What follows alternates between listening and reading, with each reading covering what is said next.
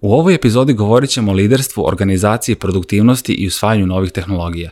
Takođe, tema ove epizode jeste i kako kreirati edukativni sadržaj za programere na LinkedInu, Twitteru i preko newslettera koje mogu generisati čak 10 miliona pregleda.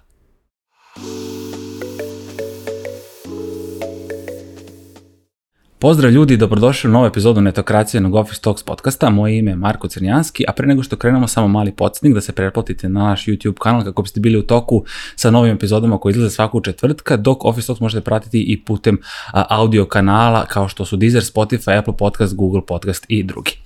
A, moj današnji gost je dr. Milan Milanović, a, Chief Technology Officer u kompaniji 3MD i reklo bi se možda tech influencer na LinkedInu, čovek eh, čije objave prati preko 100.000 ljudi i koji je generisao čini mi se preko 10 miliona pregleda na svim društvenim mrežama eh, kad je reč o objavama, eh, savetima i kontentu za developere i programere. Milane, dobrodošao. Hvala Marko i mm, bolje vas našao. Uh, hvala puno ovaj, što si, što si prihodilo da, da, da gostiš u ovom podcastu. Znam da smo radili jedan inicijalni intervju, čini mi se, baš pre godinu dana. Da li je bio neki decembar ili novembar, ne mogu sad tačno da se setim, ali tada smo više ovako malo pričali o toj, toj nekoj poziciji CTO-a u 3MD-u. Uh, želim i sada malo o tome da govorimo, ali neka više ideja iz ove epizode jeste upravo da govorimo o tom E, značaju kreiranja sadržaja za developere, odnosno kreiranja saveta i svega onoga zapravo šta znači ulaganje u sadržaj koji oni čitaju i konzumiraju konkretno LinkedInu, preko newslettera i tome slično. A, e, brojke sam pomenuo, zaista deluju impozantno, govorit ćemo o tome naravno, ali evo sada da kažem podcast je prosto format koji ti omogućava da, i e, mislim i tebi i meni, da ispričamo kompletnu tvoju ono, širu priču i samim tim profesiju i, i, i, i tvoju karijeru. A, zanima me evo nekako na početku da mi kažeš kako si zapravo zainteresovao za tehnologiju, kako je krenuo taj tvoj put, ono da kažem tako od, od malih nogu, a, kasnije a, e, i na fakultetu i tome slično, znači ta čitava edukacija, pa ćemo posle malo da govorimo možda o tom nekom prvim profesionalnim koracima. Mhm. Da. Um, pa ta putanja je zapravo veoma logična, uzimajući obzir da je moj otac isto bio programer. Uh, Um, on je praktično počeo da radi čim je završio fakultet od 80. godine praktično programer i ja sam imao prilike još tih 80-ih e, kad je to bilo redko e, da imam ono u kući PC-eve koji su tad bili neki ne znam ni ono XT i ne znam ni više kako su se zvali Um, I imao sam ono kontakt sa tehnologijom i sa tim što on radi, naravno ja nisam to mnogo razumeo, uh, Um, uglavnom sam igrao igrice koje, koje sva deca od ovaj, tog uzrasta, neke koje su tad bile, ne, neke ono bazične. Ali um, ka, kad je to počelo da me interesuje, jeste kad sam već bio malo stariji, uh, da kažem, bio sam ono neki, neki stari razred osnovne škole, kad uh, sam imao prilike da slušam recimo njega i njegove kolege koji su tu često dolazile kod nas kući, pošto on imao isto neku firmu koja se tim bavila, gde ja, ono, već i veliki, ali ništa ne razumem šta oni pričaju. Da. I ono, kao, no, razumem jezik, ali šta ovi ljudi pričaju, ono, oni dva sate sede tu, nešto pričaju, ja ništa ne razumem.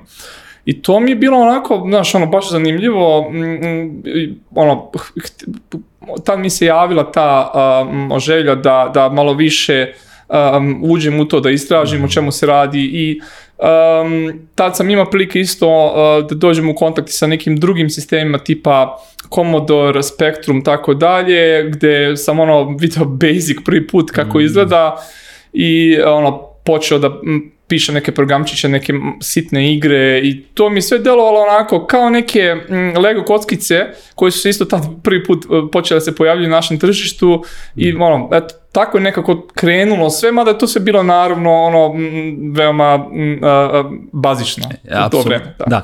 E, mnogi kažu ovaj, da su imali Commodore, bolj sam to da, da kažem stare generacije, da je sve neko krenulo odatle od onih šta, takozvanih 16-bitnih igara i tome slično, ali apsolutno kapiram. A, sećam se ja, mislim, onaj, da, ajde da kažem, dok smo u srednjoj školi bio, radili smo na C programu, meni je možda to tada izgledalo onako mnogo kompleksno, ali eto, prosto programiranje se vremenom toliko ovaj, proširilo razvilo da je sad eto prosto ajde tako da kažem, nekako mnogima je mogućeno da uđu u taj svet. Nekako jednostavnije. A, kako si ti a, krenuo svoju profesionalnu karijeru? Kako je izgledao taj neki prvi posao nakon fakulteta? E, šta si ti studirao tačno? Mm, zapravo, moj posao je krenuo još na fakultetu. E, da, ja sam završio prvo više tehničku školu, pa posle fon. Međutim, e, sve vreme dok sam studirao sam radio zajedno s mojim ocem, pošto je on imao svoju firmu mhm. koja se bavila i softverom i hardverom da kažem i tu sam uz njega m, počeo da radim, pravio sam neke ono, male aplikacije, mm -hmm. finansijske neke, m, radio sam i sa hardverom dosta, uh, ono sklapanje računara tako dalje. Tako da sam svašta sam tu radio, to je sve bilo tokom studija, plus sam to i učio, studirao i Uh, ono, m, bukvalno sam krenuo od početka, imao sam sreću, ta, ta viša tehnička je bila tad jako dobra, uh, od nekih dobrih profesora, ka, kao što je Laslo Kraus, sam naučio i ono kako treba Pascal, C, C++, uh, Javu kasnije i, i tako dalje i pa posle i na fonu. A, tako da, m, tako je, da kažem, krenulo polako i neka moja ljubav se javila, mm -hmm. a, da kažem, prema tome sve više i više, Mm, da sam ja praktično ono tipa letnji raspust pre sledeće godine um, ono, počinjao da učim ono što će se raditi u sledećoj godini, jer me to strašno znači, počelo me zanima. Znači, koracima ispred. Da. jeste, jeste, strašno počelo me da. zanima, jer ono, baš, baš nekako bilo zanimljivo tad u to vrijeme a, a, a, i bilo je dosta tih, da kažem, nekih, neke nove tehnologije su počele da izlaze, neka, da kažem, nova, novi mileniji praktično počeo da. svim tim tehnologijama, iznali onog DOS-a, web tehnologije su krenule i tako dalje i baš, baš je bilo onako dosta zanimljivo, bar, bar za mene. Super, super. E, kada kreće ta neka tvoja profesionalna karijera? Koja je taj prvi ozbiljniji posao u kompaniji? Um, prvi ozbiljni, znači ja sam um, posle mojih studija radio kod oca u firmi jedno vreme, posle toga sam, da kažem, prešao u EPS um, okay. Mhm. i tamo sam, da kažem, došao do neke pozicije rukovodioca službe jedno od 40 plus ljudi, mm -hmm. gdje smo mi praktično u tom, u tom delu m, uspeli da napravimo a, a, dosta, dosta toga, m, da kažemo, da pratimo tehnologije u tom, u tom trenutku uh, ono, cutting edge tehnologije, od uvođenja skrama, mm -hmm. uh, uh, poslednjih tehnologija, tad, tad smo radili u, u Javi najviše, posle smo prešli na .NET i organizacije tima m, i svega tu, da kažem što je bilo, m, tu sam proveo nekih skoro desete godina, um, s jedne strane, s druge strane, mm, dok sam tu radio sam takođe dosta vremena prvo na postdiplomskim studijama, radići sa mojim mhm. mentorima, e, to sam praktično radio sve vrijeme paralelno dok sam e, radio EPS-u i plus sam uh, pomalo freelansovao, neke projekte sam radio ovako za sebe koji su meni bili zanimljivi ono, za neke klijente preko interneta um, u nekim recimo stvarima koje na poslu nisam imao prilike da radim. Jasno. A, danas si CTO u kompaniji 3MD, baš smo, eto da kažem, govorili o tom intervju, bit će linkovano svakako dole mm -hmm. da, da publika može i da vidi da, taj ta link u opisu ovog videa. A, e, volio bih da govorimo malo više o tome, kažem sad da imamo malo veći prostor da, da prosto pričamo o toj tvojoj poziciji e, Chief Technology Officera. E, ti si posebno hteo da pomenemo da u okviru te pozicije se baviš i nekim liderstvom produktivnosti, usvajanju novih tehnologija uh -huh. E, i tome slično. Zapravo, kako sve to izgleda? Delo je da je to mnogo nekako posle obaveze odgovornosti. Um, pa zapravo jeste dosta, jer ja se praktično bavim uh, i, i biznisom, i tehnologijama, i ljudima, i procesima, pošto mislim, mi smo mali startup od, od da kažemo, 30 plus ljudi, to nije velika organizacija, ja sam uh, radio u firmama, znači EPS imao 10.000 zaposlenih, pa sam radio da. posle toga u firmi koja imala 2000, da. da, a sad ova firma 30, tako da sam radio različitim uh, uh, veličinama kompanija, A, tako da ovde, kad radiš u startupu, nemaš ono striktno kao u velikim kompanijama, ovo je samo tvoj posao, nije. A, tako da ovde ima mnogo, mnogo toga da se radi, ali naravno ako se, ako se stvari postave kako treba, m, organizacija, Uh, ono, pre svega se postave ono što ja zovem sistemi, da.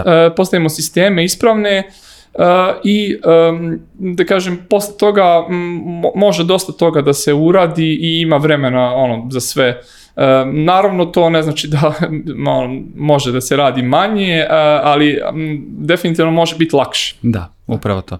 E, kaži mi, teo si baš da pomenemo tu važnost liderstva i usvajanja nekih mhm. novih tehnologija. Kako to izgleda ovaj, da, na toj Jeste, nekoj poziciji? M, da, mislim da je to jedna važna, važna stvar. Ono, ono što, mi, što sam ja isto imao priliku da vidim kroz moju karijeru, da, da dosta ljudi uh, E, baveći svojim poslom posta, dobiju neke liderske pozicije e, zato što su, ne znam, toliko dugo na tom mm -hmm. mestu ili zato što, eto, no, treba im dati neku poziciju, pozicija lidera, a zapravo da taj, te liderske vištine ne postoje.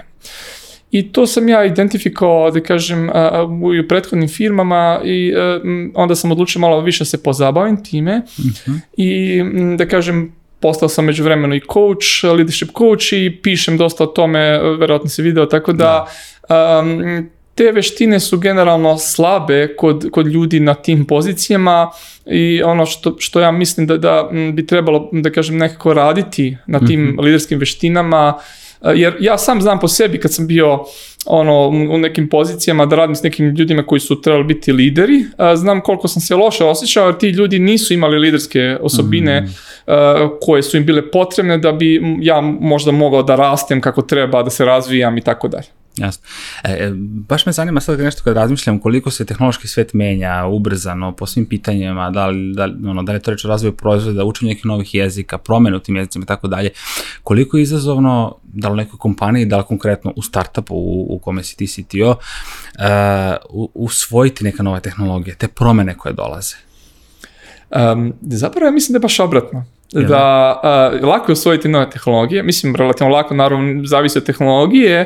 A, e, generalni inženjeri su ljudi koji vole nove stvari uh mhm. -huh. i m, ako, ako ti sad um, ono, forsiraš još to, usvajat će se veoma, veoma mnogo tehnologije. Međutim, problem je često da mi veštački usvajamo tehnologije, uh mhm. -huh. usvajamo nezrele tehnologije, usvajamo nešto što eto samo da bi probali to, a nije nigde produkciono testirano pre toga i um, praktično time pravimo sebi kasnije problem uh, sutra kad um, to treba održavati ili baviti se dalje time. Tako da uh, ja sam tu iskreno, iako sam neko ko volim dosta, da kažem, čitam, dosta usvajam, mhm. da kažem, novi stvari, treba biti, da kažem, ono, svestan toga šta se dešava, ali kod primene toga treba biti malo oprezniji, mm -hmm. ipak, ono, treba imati tu malo neku kočnicu i biti, ono, znati zašto, jednostavno, dati yes. odgovor na pitanje zašto nam ovo treba. Ako nema odgovor, nego je samo ono odgovor, pa zato što je sad to u trendu, to nije dobar odgovor. Apsolutno razumem.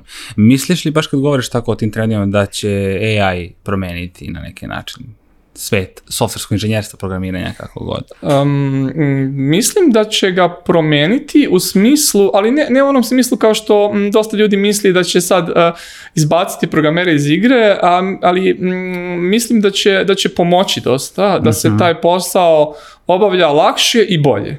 Zato što AI nam već sad nudi dosta toga i mm, ljudi u mojoj kompaniji, u drugim kompanijama, ja sam pisao o tome, dosta koristi i razne alate tipa Copilot, GPT i tako mhm. dalje, koji vam da, pomažu dosta, mogu da detektuju neke probleme u kodu, mogu da vam pomognu možda da ono, malo bolje mm, razmišljate možda o nekom mhm. problemu i tako dalje. Tako da mislim da će dosta pomoći zapravo svima, a na nekom nižem nivou će verovatno moći da, da ono, kodiraju neke stvari mm. a, a, bez nekog širokog konteksta. Da, faktički o, da bude desna ruka programera, inženjera, kako god, da, Tako. da, da skrati vreme, da kažemo, ajde, jest, jest, da, da, da, da, da uprostimo. E, e sad dolazimo do one mislim, ajde za mene, da duše zanimljivije strane priče uh, tvoje karijere, a, a to je taj neki uticaj u zajednici koji si vremenom izgradio, koji je zaista neverovatan i sjajan i stva, zaista svaka čast na tim brojkama. A, zanima me kako je zapravo nastao taj, uh, ajde, ja ću te odnodeliti titulu, tech influencera na, na LinkedInu, uh, kako je počela ta priča, da li si imao neki plan za to ili je to prosto samo krenulo tako? Jer jednostavno, neverovatno je, uh, neverovatno zvuči podatak da preko 100.000 ljudi prati tvoje objave. Um, iskreno, ne volim taj naziv teh influencer zato što mi, malo, znaš kako, delim malo, teh influencer mi delim malo šuplje ispod, zato što ipak ja nisam neko ko piše za široke narodne masne nego za inženjere, ja se smatram inženjerom pre svega i to je ono što ja i radim, da kažem, dobar deo mog vremena. Kako je to počelo, to je zanimljivo, u mojoj prethodnoj firmi koju sam radio, radeći sa mojim mentorom, tad um, ideću ka nekoj poziciji, on je predložio da bi za tu poziciju trebalo malo da se ono aktiviram i da malo budem, da kažem, vidljiviji van kompanije. Mhm, mhm. E sad, um, to se uklopilo jako dobro sa tim što sam ja neko ko mnogo voli da čita, da uči. Ja svaki dan ono, provedem sad dva vremena čitajući mhm. nešto, pročitam ono 30-40 knjiga godišnje i uh, ja sam već te neke stvari radio dosta, dosta dugo u, u tim mojim kompanijama gde sam radio interno, eksterno nisam, ponekad sam nešto naokače, tako da, da mi on tu predložio da bi za tu neku poziciju, ne znam, principala trebalo da se aktivira malo više eksterno, da ti treba, da ti znaju ljudi ne samo u mhm. tvojoj firmi. I ja sam onda, mm, to je bilo u februaru prošle godine, 22. Mislim, počeo sam malo, malo, malo više da pišem i to nije dugo trajalo. To je trajalo možda mesec, dva dana sam ja ono, pisao recimo dva put nedeljno, uh mhm. -huh. I odjedno... A konkretno pisao da. si na LinkedInu, ali tako? E, da, da, na LinkedInu. Pa kao za... statuse?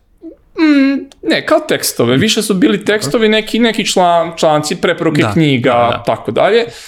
I onda, onda je bio neki, ono, tako, nije to nešto bilo posebno, prolazilo, uh, Mm, I onda sam objavio neki mm, tekst koji je ono, neš, nešto u programskim jezicima gdje je bio bum. Znači, e, imao sam dva miliona pregleda na tom, wow. na tom tekstu. E to se priča naravno na engleskom, ali tako? se? da, da, da, piše na engleskom zato što i ta moja kompanija je bila internacionalna i ono, jednostavno hteli smo vidljivost u različitih zemalja.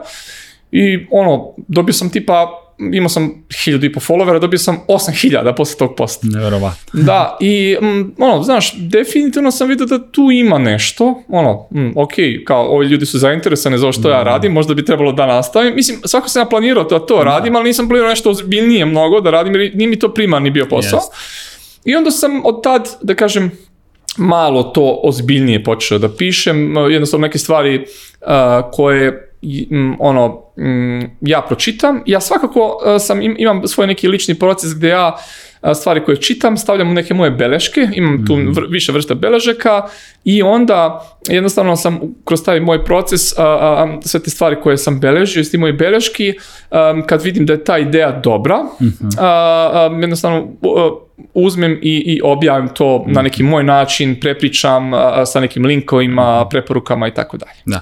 Sjajno, zaista. E, kaži mi, e, ajde, baš ćemo pričati posle i o, i o newsletteru i tome slično, e, nego zanimalo me je e, kakve, e, kakve su brojke danas? Ja sam pomenuo 100.000 ljudi, da li je to više možda? To se ne, menja što kaže nisu. Dana. Da, brojke su, brojke su preko 200.000 sad. Imam 170 nešto hiljada na LinkedInu, Twitteru preko 30.000, na newsletteru imam oko 20.000. Znači preko 220.000 imam trenutno pratilaca, subscribera ali kako god ih nazovi, jer sam Odlučio sam od ove godine da pišem newsletter, zašto sam to odlučio? Jer sam primarno sam pisao za, za LinkedIn i mm, povremeno za Twitter, međutim, um, kao što znaš, te, te mreže su ono, ti objaviš to nestane posle dva dana taj tekst, yes. ti ne možeš niko da ga nađe i onda a, ne proveravaju svi ljudi svaki dan te mreže i onda su mi ljudi pisali stalno kao, a gde je onaj tvoj tekst, ne mogu da ga nađem, tako dalje i onda sam ja rešio da da u taj moj proces dodam i newsletter gde jednostavno uh, te neke stvari koje primarno objavim na tim uh, mrežama, ako tamo dobro prođu i vidim da su ljudi zainteresovani, ja onda njih uh, jednom nedeljno objavim na newsletteru malo detaljnije, jer naravno mhm. socijalne mreže imaju ograničenje, ne znam, 3000 karaktera i tako dalje, da. jednu sliku možda staviš, um, malo detaljnije objavim, um, š, opširnije opišem sa više ono, slika, dijagrama i tako dalje. Da. Uh, newsletter se zove Tech World with Milan. Jeste, jeste. Pa, to da. sam uzeo taj naziv kao neku, ono, kao neki neki na svih tih stvari, to. E, tog nekog autorstva koji ja radim. Da. da. Znači, generalno si hteo da ti newsletter kao, da kažem, jedan deo sa, uh, forme sadržaja bude nešto da će sve obuhvatno da bude spakovano, Jeste. da zapravo ostane. E, kaži mi, uh, sajt isto je u funkciji? Jeste, imam, imam moj sajt koji, koji je, da kažem, već dugo ga imam, već 20 godina kao moj lični i tamo sam, imam blog S tim da od kad sam počeo ovde sad više da pišem, nisam od prošle godine ništa dodavao tamo novo, to imam tamo da kažem nek, nekih, to su uglavnom neke tehničke teme bile, uh, na mom blogu, um, planiram i te, da, da kažem nešto od toga da, da prebacim u newsletter vremenom, zato što mm, taj, taj moj sajt nije toliko posjećen kao, da kažem, ne možeš na sajt da se subscribe-uješ, ljudi da. sad ne znaju da li sam ja nešto objavio tamo na blogu, tako da. da ako se ne varam, mislim da na blogu e, najviše se pisalo, barem o tehnološkom inženjerstvu i arhitekturi. Jeste, da, jeste, tako, tako, tako. To mi je dali baš kao dosta kompleksna tema, tako da ipak zahteva neku određenu formu sadržaja poput bloga koji će opet dati neku malo veću slobodu u formi teksta i to. Mislim, nešto što će zapravo zapravo ostati tu. Tako je. Da. Um, pre svega zato što sam ja taj blog pisao vreme dok sam bio pre svega inženjer. Mm -hmm. Međutim, sa ove pozicije sad, um, CTO-a, moje, moje teme su različite. Ja, ja ih grupišem nekako u četiri neke grupe. Jedna su to, inženjerske, čisto teme tehnologija. A druga grupa je razvoj proizvoda, pošto mislim da je to, to je jako važna tema za svakog u industriji, ne, ne može se izabići. Uh, Eh, onda to liderstvo, mm, inženjerski menadžment i mm, neka, neka, neki deo ličnog razvoja. Mm -hmm. Razne teme, to vezano za produktivnost, mhm. eh, mm -hmm. organizaciju i tako dalje. Da. A, pretpostavljam da, da je, newsletter nekako za sada fokus, jer opet, e, koliko pretplatnika ima na, na newsletteru? Trenutno ima 20.000, znači počnem ga pišem praktično u januaru, da. Sjajno, znači evo, da. još malo će godinu dana i e, to je zaista sjajan rezultat. Da. Ja verujem da će to vremenom povećavati svakako. E, baš sam video, a, pošto evo kažem kako sada gradim ovaj Shift Mag a, e, sajt za developere na engleskom, počeo sam ja malo više da se interesujem za, za, za te dev teme i onda sam između ostalog smo i svi u redakciji tebe pronašli, počeli da pratimo. I evo, čini mi se da mi još na, na računaru stoji tab jedan otvorene da si ti pisao baš, e, mislim da je to newsletter bio, uh, e, aj kada ga tako bukvalno prevedem, uh, zašto Google skladišti milijarde linije koda, uh, mm -hmm. da li na cloud ili već gde, ne znam, i to mi je super tema bila, tako da, eto, možemo ovaj nešto da, da vidimo na tu temu, da svakako napišemo, eto, mislim, što mi je super. Kažem, opet gledam neko kao like, ali a, koliko god to neko stručno delovalo, čini mi se da ti taj sadržaj dosta, dosta pitko i jednostavno predstaviš što je zaista ovaj, sjajna stvar. E, ono što mi je isto takođe neverovatan podatak bio da kad saberemo i Twitter i LinkedIn i newsletter na kraju krajeva, a, dolazimo do brojke od 10 miliona pregleda. A, šta misliš da je krucijan, mislim svi kažu content je kralj i apsolutno jeste tako, ali prosto da li je tu još nešto bilo ovaj faktor da se zaista generiše toliko ogromna brojka? Um, da, ovo što si samo rekao, digresija, da, Shift Mag mi je već, um, um, da kažem, nekoliko tekstova objavio u Shift Magu, tako da bilo je za ono, za, za produktivnost developera, tako dalje, tako da onako imamo već lepu saradnju. Um, što se tiče brojki, um, znaš kako, um, pre svega tu moju strategiju koju sam koristio na LinkedInu, ja sam um, sad um, koristim i na Twitteru i jednostavno Twitter sad isto raste, ja sam ne znam početkom godine imao 2000 pratilaca, sad imam 33 ili tako nešto. Uh, Um, tako da ta strategija radi. I mislim, upravo jeste ključ uh, to što si rekao. Kod mene je samo content i to, ja, ja se trudim da pišem na, uh, o kompleksnim temama na jednostavan način. Zašto je to mhm. važno? Zato što jednostavno e, ljudima, ljudi su danas opterećeni ogromnim brojem informacija. Nemaju pažnju. Tako, nemaju pažnju i jednostavno bombardovani su i najmanje što ljudima treba jeste da vide sad moj blog post od 37 strana, Absolutno. I to će od uh, svih tih ljudi, m, mm, da kažem, pročitaći 2% možda ljudi. Da. Uh, ne kažem da ne treba, za neke teme stvarno treba ući u dubinu i trebaju blog postovi, i knjige treba ne samo blog postovi, ali za većinu tema ljude pre svega zanima, kao i mene isto, uh, ono, široka slika, šta je to, o čemu se ovde radi, da li to može biti nekako korisno za mene, uh, I to je ono što ja pišem uglavnom. Naravno, ja u neke teme ulazim dubinu jer se ja pre svega bavim nekim stvarima i onda mogu da, da pišem o tome jer znam malo više, ali većini tema, znači ono gde ja sam zainteresovan za nešto, jednostavno pišem ono što sam naučio ili što je meni zanimljivo, da se, da se bavim time, tako da um, i to ljudi jednostavno vole na taj način, ne žele jednostavno da, da troše previše vremena i, i truda i energije na nešto što im možda sutra neće trebati. Uh, I to, to mislim da je dobra strategija, eto tako si pokazala, mislim da taj broj mm, mm, čitalaca 10 miliona mesečno na neki način to pokazuju. Apsolutno, to je, to je definitivno. Uh, teo sam samo kratko jedno pitanje, da li si nekada možda razmišljao o video formatima? Um, Iskreno jesam, imam YouTube kanal gde imam nekoliko nekih mojih uh, uh, ono prezentacije koje sam radio za neke kompanije ili neke neke ono meetupe. Uh, ali nisam e, uzeo to da radim ozbiljnije, jer kao što sam znaš, video je dosta kompleksni yes, i treba više vremena. Dosta. Da, a realno meni to nije primarni posao, to nije opisanje, to radim više u slobodno vreme, ovako, a, tako da ne, ne bih trenutno imao vremena za tako nešto. Jasno, apsolutno razumijem.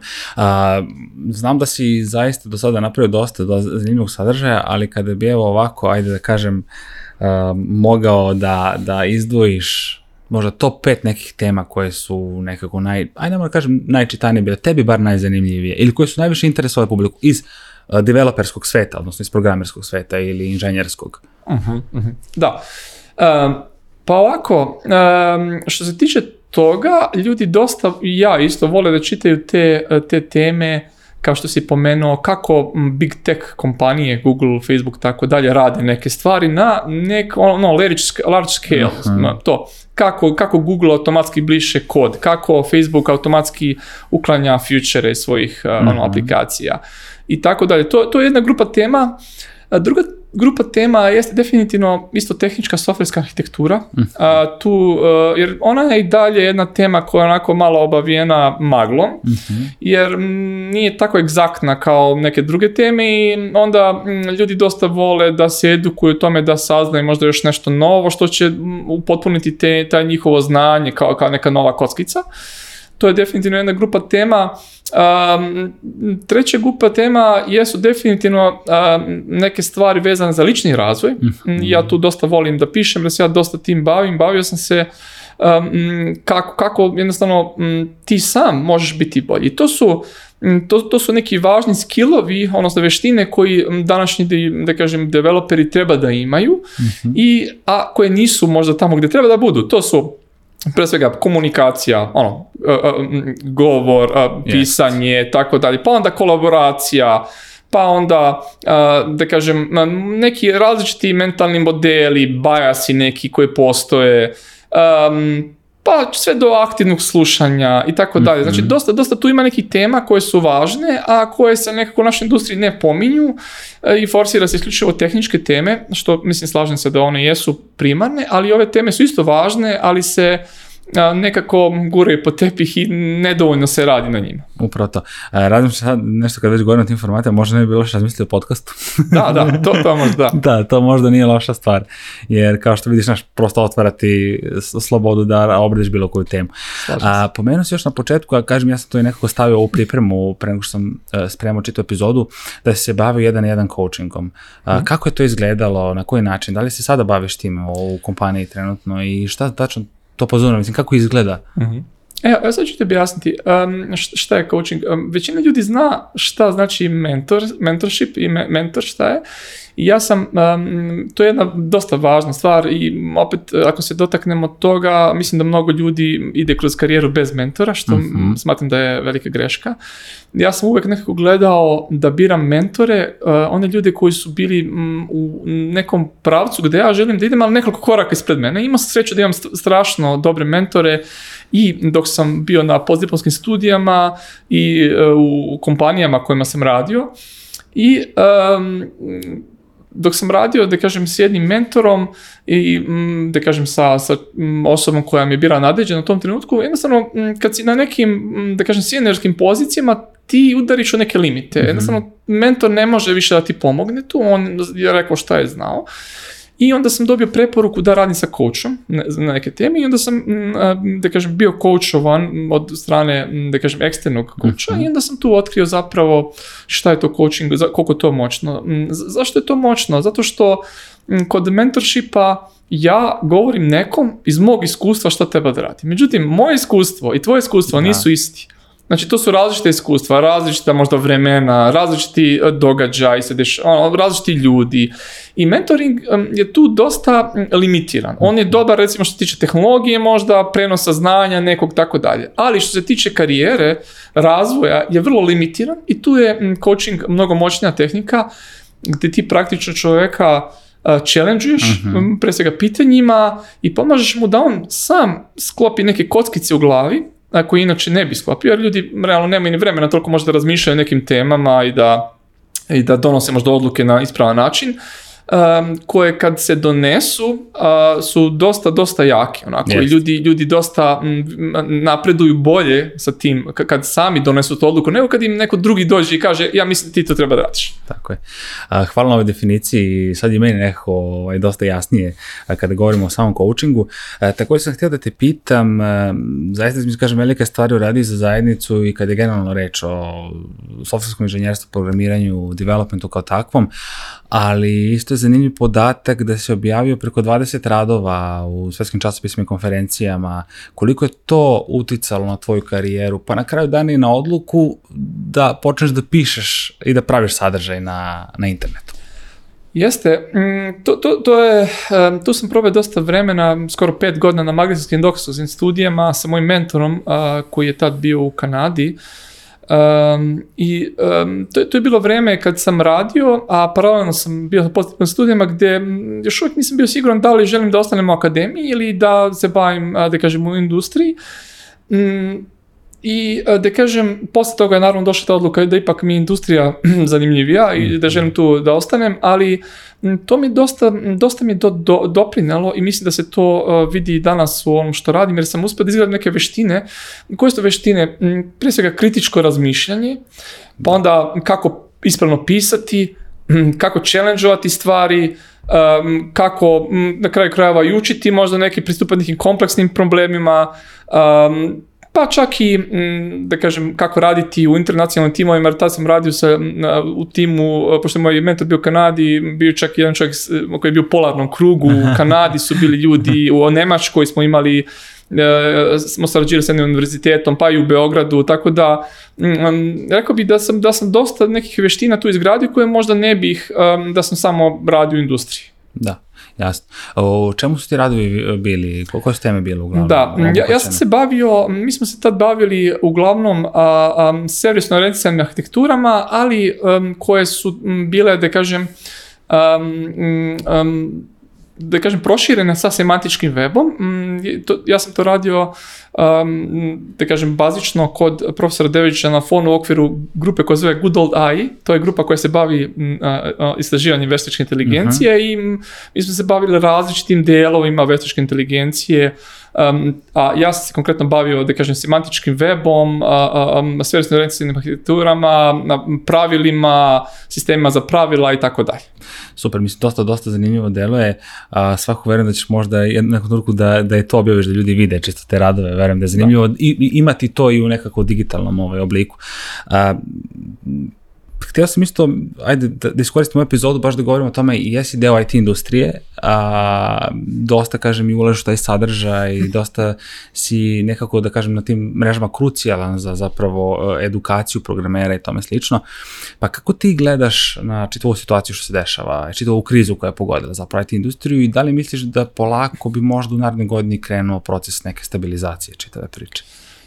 Um, znaš kako, Ja mislim da se situacija već stabilizovala. Ja bih rekao da je ovo već ono što se desilo jeste stabilizacija. Mm, Prethodnog godina smo imali veliki fokus uh, je bio na rastu a ne na profitu kod većine mm-hmm. kompanija, jer jednostavno m, mm, um, ekonomija je bila dobra, svjetska mm-hmm. ekonomija je bila dobra, bilo je mnogo novca, jednostavno neke, neke organizacije mm, su uh, želele da, da ulažu više kapitala u, u razvoj softvera, oni znaju naravno da neki, nešto će toga uspjeti, nešto neće, mm-hmm. ali svako ono što će uspjeti će im eh, doneti mnogo više nego ono što nije uspjelo.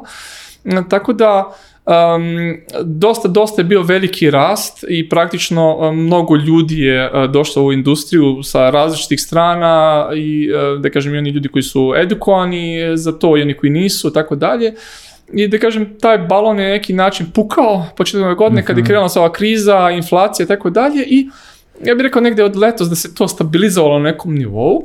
On, ono što možemo vidjeti jeste da i dalje je problem, a, pogotovo za juniore da uđu u industriju, zato što je taj prag sad spušten i a, e, nema više otvaranja a, a, toliko novih mesta, ali m, ono, ono što ja verujem jeste da m, kao i ranije, um, ako je neko dovoljno dobar i ako se dos, ono, potrudi uh, da malo um, odskoči od proseka, da neće imati problema da nađe posao i da, i da nastavi dalje. A uh, ja verujem da će se stvari krenuti na bolje kad i svetska ekonomija krene na bolje. Ona ide uvek u ciklusima, kao što znaš, sad jednostavno je ono kao 2008. 9. u downu, ona će krenuti vjerojatno za godinu dve opet up, ona ići krenuti na gore i automatski će IT industrija krenuti na gore i vjerojatno ćemo opet se vratiti u nekom trenutku na ono što je bilo. Da, i ja nekako smatram da ide sad pred kraj ove godine, ali da početak sledeće može da označi taj neki početak uh, ajde da kažem, potpunog oporavka, pa, mislim na nama je svakako da vidimo, ali čini se da, eto, prosto je prošla taj neki talas koji je možda najteži bio, ali eto, Jeste. prosto živimo u tom nekom vremenu kad ne može mnogo stvari da se predvidi na kraju krajeva. A, teo sam sa tehničke strane a, da te pitam, pošto si sam ovaj, inženjer, a, šta misliš, koje, koji su to tehnološki trendovi koji bi mogli da obliku IT industriju? Znači, šta je ono što u narednim godinama ne kažem da sad predvidimo, ali šta ti iz nekog iskustva misliš da može da mhm. oblikuje IT kao takvu? Bilo da govorimo o razvoju aplikacija, o složenih softverskih sistema, mhm. programa, šta god. Da, da. Um, pa, mislim, ja, ono, ako pogledamo kako se, kako se razvijela ova naša industrija, ali i neke predikcije od nekih uh, ozbiljnih kuća kao što je Gartner i tako dalje, uh, Um, definitivno će AI biti uh, ono što, što će uticati dalje i na ovu našu industriju i na mnoge druge industrije. Mm, kako ono, kao što smo rekli, kao, kao neki pomoćnik i kao neki generator nekih novih stvari. Um, ono što ljudi možda tu previše daju na tome jeste da AI neće stvoriti neko novo znanje za nas, mm -hmm. ali će nam omogućiti da ono što već postoji iskoristimo na bolji način, efikasniji i tako dalje. E sad, to je definitivno jedna stvar. Druga stvar je nešto čim se ja malo više bavim, to je cloud tehnologije, one su mm -hmm. već aktualno dosta dugo, ali Uh, rekao bih da, da um, tu i dalje postoji dosta firmi koje su van tog sveta mhm. mm -hmm. ili um, koriste tehnologije kako ne treba. E, tako da tu vidim dosta, dosta prostora, ja baš sam pre neki dan se vidio da recimo najveći deo profita Microsofta jeste Azure, 37% mislim da im je Azure, Windows je ne znam 20%, mm -hmm. tako da um, slično je uh, kod Amazona, tako da tu, tu uh, definitivno ima još mnogo prostora za rad cloud tehnologija i za rast, pre svega tu mislim i na kompanije, na biznise, ali i na nas, da kažem, developere i na ljude iz tehnologije. Um, tu, tu je definitivno su tehnologije tipa mhm. Edge, eh, IoT koje nam omogućavaju da se obrada podataka, procesiranje spusti na mhm. neki na nivo koji je blizu biznisu i da se one procesiraju brže i lakše. Takođe, dosta, dosta veliki je zamah vezan za ove sustainable tehnologije, mhm. I uh, baš taj tekst koji sam objavio se tiče toga Sustainability of Programming Languages uh, mm -hmm. um, i um, tu, tu se dosta radi na carbon neutralization i tako mhm. dalje, Mm, svi ovi cloud provideri nude ti da vidiš koliko tvoje rešenje zapravo uh, ono kreira ugljen dioksid i tako dalje. Što smo imali priču i u Web3 svetu sa Ethereumom. Jeste, baš to, baš to. I m, mm, tu, tu, tu je velika stvar na kojoj će se, ja mislim, dosta, dosta raditi i ići u one, ono, obnovljive izvore energije i razne, razne tehnologije. Tu je takođe i, i blockchain, mislim da, uh mhm. -huh. ono, Bitcoin je pao, ali blockchain je sigurno tehnologija koja je vredna i, i koja će se nastaviti koristiti sigurno u nekim industrijama. Uh,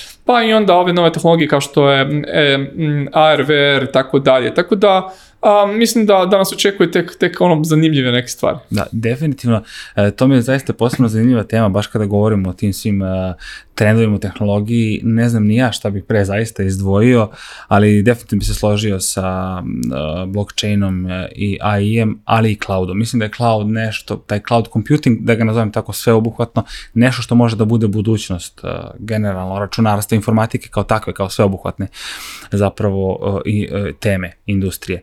Um, teo sam samo da te pitam, aj sad ovako pred kraj, um, pomenuo si Microsoft malo pre, Microsoft mi je trenutno dosta fascinantna kompanija, iz prostog razloga što pod nekako vojstvom Satya Nadella rade fenomenalne stvari, znači prosto je neverovatno koliko ljudi predviđaju nekoliko koraka u napred, pa imali smo sad ovu najsvežiju priču sa OpenAI-om, uh, E, zaista neverovatno e, kako gledaš na njihovo poslanje trenutno, čini mi se da su najjača softverska kompanija. Mislim da su de, definitivno dostigli taj vrhunac i kako gledaš e, na, na njihovu odluku da i integrišu gotovo u, u, u pa da kažem, svaki alat koji mi koristimo ovako kao, kao korisnici. Mm -hmm. E, mogu ti ja a, reći jako e, kak, kak, kak, kakav je moj odnos bio sa Microsoftom, a, ono, da kažem, m, naravno gledao sam njihove proizvode, ono, kad znam za sebe u DOS, pa Windows 3.11, da.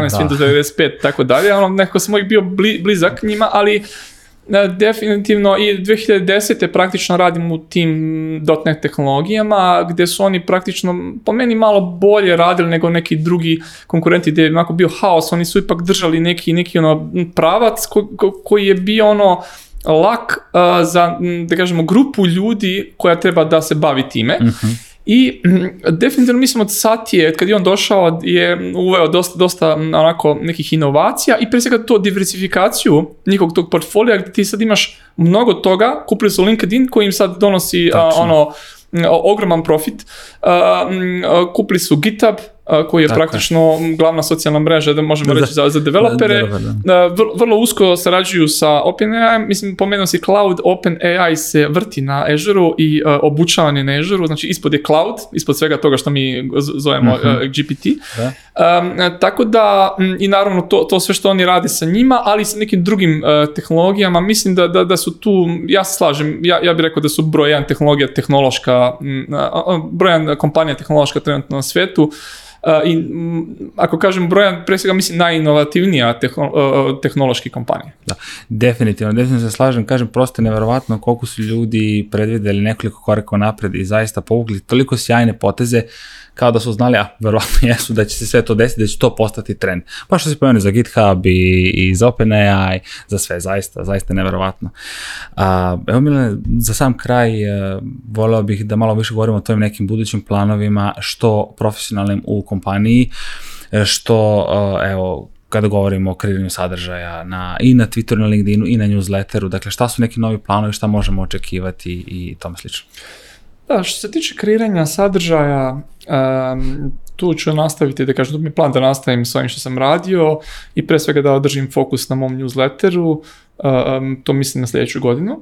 Um, što se tiče kompanije u kojoj radim 3MD, mi, mi, da kažem, tu radimo na inovativnim proizvodima u oblasti e, transportne industrije i m, mm, tu, da kažem, smo na, na ono, praktično na vratima nekih velikih stvari i m, mm, tu očekujemo dosta od sledeće godine takođe od naših e, partnera, saradnika, klijenata, da kažemo korisnika i m, mm, to je, to, to je ono da kažem što je pre svega fokus naš e, biće naravno rast i razvoj e, tog našeg produkta koji se zove Track and Hub i da kažem cijele kompanije. Jasno. A, hvala ti svako novom razgovoru. Mi željno čekujemo nov sadržaj i na newsletteru, i na Twitteru, i na LinkedInu, pa i na blogu. A, tako da zaista si ono što se kaže pravi izvor nekih novih tema u čitavom tom tehnološkom svetu. A, još jednom ti hvala što si bio naš gost u ovom podcastu. Nadam se da će biti prilike da napravimo neku novu epizodu, svakako tekst, a, jer zaista mislim da prosto ovaj, sve što kreiraš je izuzetno, mislim da su teme sjajne i da prosto svi koji prate tehnološku tehnološko i preduzetništvo, a i sve developmenta treba da, da te zaprate. Svako zapratite Milana, bit će link u opisu ovog videa. A, još jednom hvala što si gostovao, a, želim ti puno sreće u daljem, daljem kreiranju sadržaja i nove, još veće brojke od ovih koje, koje već sada znam. Hvala tebi na pozivu, bilo mi je zadovoljstvo. E, hvala. Uh, vama hvala što ste ostali sa nama do kraja epizode. Svako napišite u komentarima kako vam se čini ova epizoda. Uh, samo još jedan podsjetnik za kraj da se pratite naš YouTube kanal kako bi bili u toku sa novim epizodama. Uh, dok Office Talks možete pratiti i putem audio kanala kao što su Deezer, Spotify, Apple Podcast, Google Podcast i drugi. A mi se vidimo u nekoj od narednih epizoda. Pozdrav!